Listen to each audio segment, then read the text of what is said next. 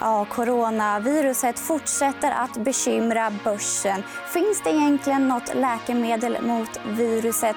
Och läkemedel det är precis det vi ska prata om idag. för Idag blir det hälsovårdsspecial i EFN Marknad.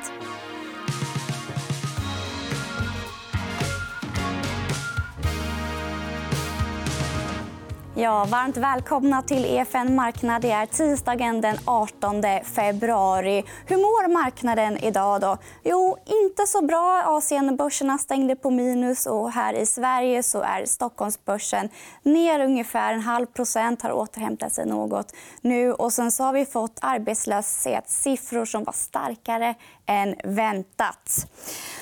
Men om man bortser från de här svängningarna idag så har ju året faktiskt börjat bra. och Stockholmsbörsen eh, har sett bra ut eh, i början av året. så Vi får se hur det går framöver. Men om vi återgår till coronaviruset så kom Apple igår med meddelandet att de inte kommer uppnå försäljningsmålet för det första kvartalet på grund av just coronaviruset. Och jag pratade med Kiran Zakaria om det här i morse. Och jag frågade honom om det var produktionen som tagit stryk.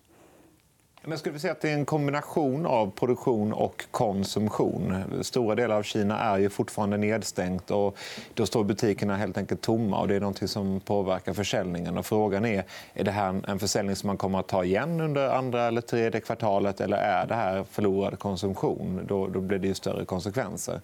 Man hade också räknat med att produktionen skulle starta lite fortare än vad den har gjort. Eller i alla fall att man skulle kunna komma upp i, i hög varv och producera på maxkapacitet igen. Men det har man ännu inte riktigt lyckats göra. Så det här är en varning som man skickar ut. Och vi ser det här som en makrosignal på att det här är kanske det första stora bolaget som faktiskt vinstvarnar och, och, och hänvisar den direkt till coronaviruset. Det här kommer vi få se mer av under, under de kommande veckorna och månaderna. skulle vi tro.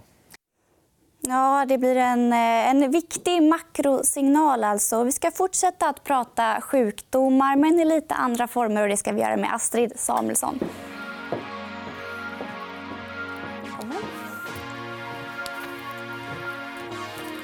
Välkommen, Astrid Samuelsson. Tack så mycket. Du är förvaltare för en hälsovårdsfond. Och hur skulle du säga att läkemedelssektorn ser ut just nu? Ja, men, eh, nu så ser jag ganska stor optimism från bolagen. Framförallt om jag ser till läkemedelsbolagen om vad, vad de håller på att forska fram just nu, hur deras pipeline ser ut. Så att, eh, Eh, de så det ser är relativt, är relativt glatt. Ändå. Har du märkt av att de bolagen du följer har påverkats något av coronaviruset? som jag pratade om här? Eh, relativt få. Det är några stycken. Eh, faktiskt ett så sent som i fredags AstraZeneca. Mm. Eh, det är ett av de stora bolagen som säljer allra mest i Kina. De har varit där väldigt länge. och En relativt stor del av deras försäljning är just i Kina. Så de har sagt att de kommer att se en påverkan Eh, där. Eh, ett annat exempel är bolag inom tandvård. Faktiskt. En helt annan sektor. Vi har Straumann som rapporterar idag och säger att de kommer se en negativ effekt. för de har En stor del av tillväxten sker i Asien. Och inte minst Kina.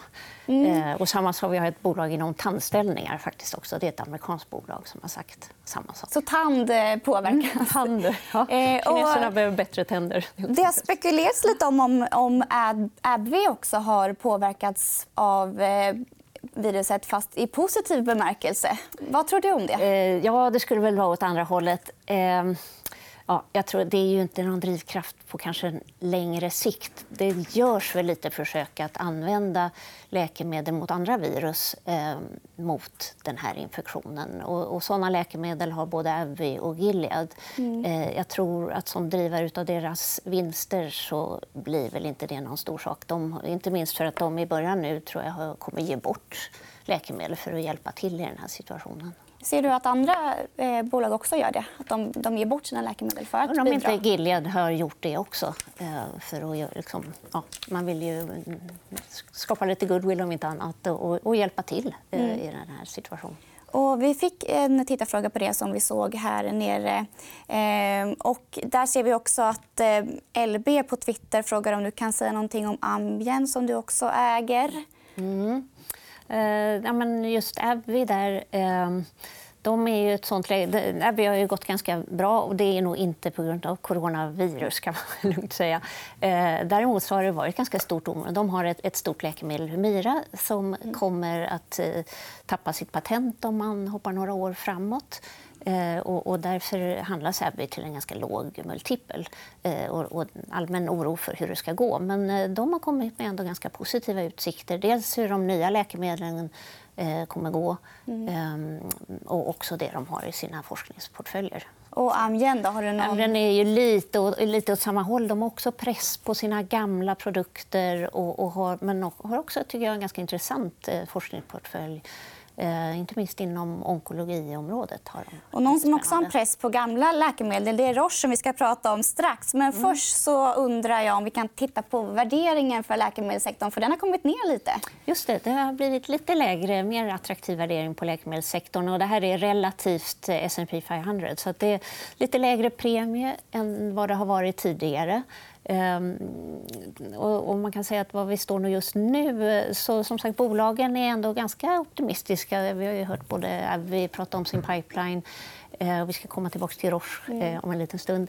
Ehm, Men är det på grund av valet i höst? För amerikansk politik är ju jätteintressant för läkemedelssektorn. Absolut. Är det där som oron har lagt sig lite? Ja, men det känns ju lite lugnare tycker jag när man pratar med bolagen och när man lyssnar lite vad som händer. Det betyder inte att det är faran över att det aldrig ska kunna hända nåt på prisreformsidan i USA. Men eh, just nu så är det väl lite så tror jag att de flesta bedömare ser att det kommer inte hända några stora förändringar i USA just nu.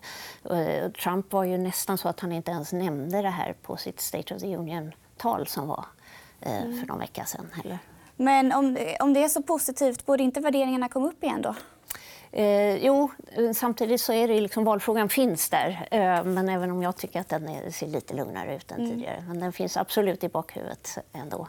Och vi ska fortsätta att blicka lite framåt. Vi ska prata lite trender. Vi har fått en fråga från Marcus Hell som undrar vill ni vänligen beskriva trenderna inom branschen de kommande 5-10 åren. Frågar man så snällt så är det klart vi tar upp det. Nu är det en ganska stor fråga så vi kanske inte kan täcka allt på den här lilla korta tiden. Ska jag bara peka ut någonting så skulle jag säga att alltså, vi är i en otroligt spännande tid vad gäller läkemedelsutveckling. Vi har aldrig kunnat göra så mycket och, som man kan göra just nu. Så att en stor trend är ju mer avancerade läkemedel. Um, allt från genterapi och liknande, cellterapi uh, och mer precisionsläkemedel. Att man verkligen går liksom rätt läkemedel till rätt patient är väl också en väldigt stor trend. Mm. Uh, det är otroligt hög aktivitet inom onkologiområdet, alltså cancer. Ehm, och ska jag hitta något mer område så neuroområdet händer också ganska mycket inom. Alzheimers, hur går det där? Alzheimer har fått lite extra mycket fokus här i år. faktiskt. Um, eller redan förra året, ska jag säga. För Biogen, jag tror vi har haft det uppe någon gång, att den, den har åkt lite berg och på börsen. Mm. Uh, och varefter liksom, förhoppningarna har först grusats och sen liksom, kommit tillbaka igen för deras Alzheimer-läkemedel. Och nu är läget sånt att de eh, any day så ska de fila sitt läkemedel. Eh, mm. Sen om FDA kommer godkänna det, det vet vi inte. Men det finns i alla fall en möjlighet till det. Hålla ögonen på det. Alltså. Mm. ett bolag som har lyckats pricka in nästan alla de här trenderna det är Roche. Just det. Och det är det bolaget du vill lyfta idag. Är det därför? Eh, ja, nej, men, eh, dels det, eh, men också att Roche... Det är ganska sällan man har ett så stort bolag där jag tycker att det finns så mycket av det de gör som ännu inte finns i prognoserna.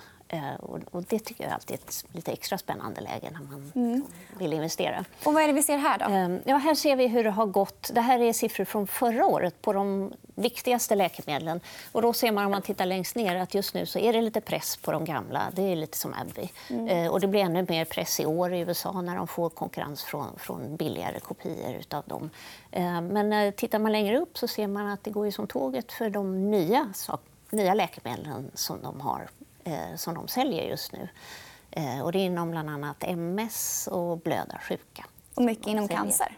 Och de, är just, de har absolut mycket inom cancer. De är stora inom bröstcancer men också hematologisk alltså blodcancer är också ett stort område för dem. Och vi har en eh, bild som visar på just hur mycket studier de har mot cancer. Vi kan väl titta på den ja. lite snabbt här. Och här var egentligen inte mer att man ska titta på var och en, men det här är för att visa hur mycket de har. Det här är ju då forskningsportföljen. Det förra var ju vad de säljer här och nu, men det här är ju det som ska komma sen. Eh, och de storsatsar ju verkligen inom cancerområdet. Eh, och framför allt inom det som jag tror vi har haft uppe här tidigare om immunterapi och cancer. Och det är när man ska få fart på, på kroppens eget immunförsvar för att mm. behandla olika tumörsjukdomar. Eh, och där har vi ju lärt oss läkemedel som slår på något som heter PD1 och PDL1 och de har blivit väldigt stora läkemedel idag. De säljer för kanske 25-30 miljarder, tror jag, nu för 2020.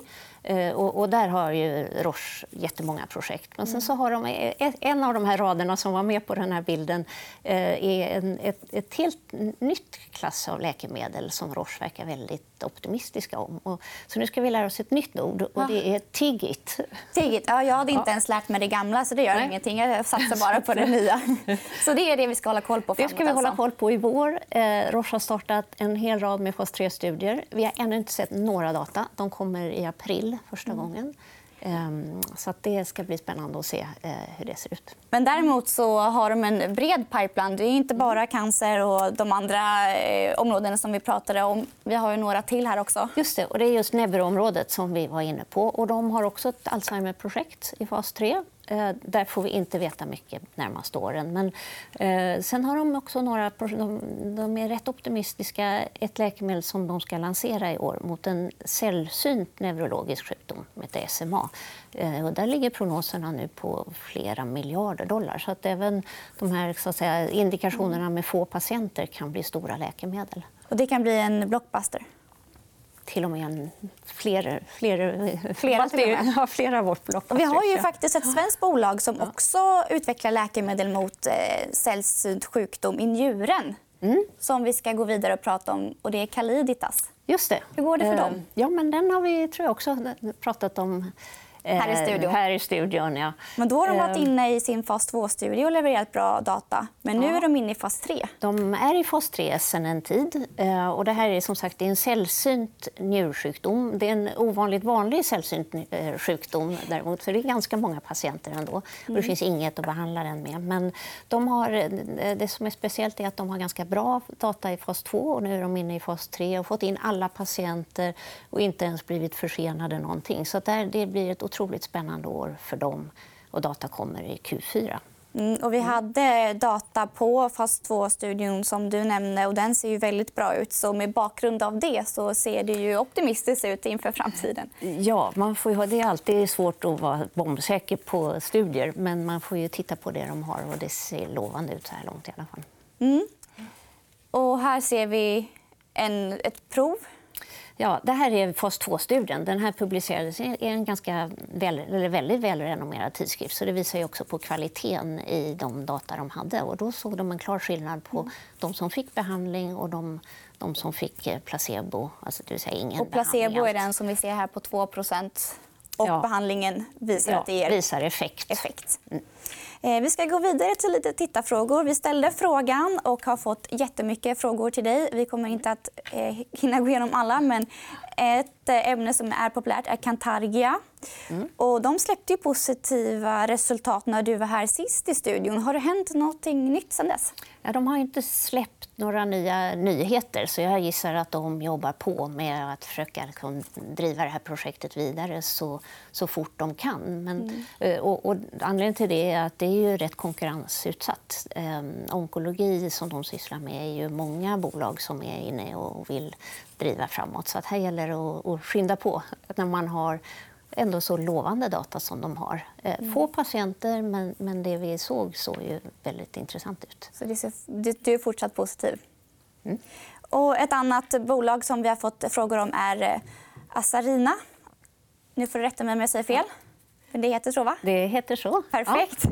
Det har de... vi inte pratat om. Nej, det har vi inte pratat om. Kan du inte berätta lite kort vad de gör? Ja, eh, de, är vare sig, eller de är inte inom onkologi, utan inom Women's Health. Ehm, så det behövs mer av det. Det finns ju för lite bra läkemedel inom det området. Eh, och de har ju också ett väldigt intressant år framför sig med faktiskt data från flera studier som ska bli färdiga. Och den indikation som de har kommit längst med kallas för PMDD. Det är en svår form av PMS, alltså premenstruell dysforiskt syndrom. står det därför. Är man kvinna vet man vad det är. Har man en kvinna vet man vad det är. Och det drabbar väldigt många. Mm. Och det finns, de läkemedel som finns fungerar inte, eller alla svarar inte på dem. helt enkelt. Så det är stora behov där. Mm. Och där kommer data i april.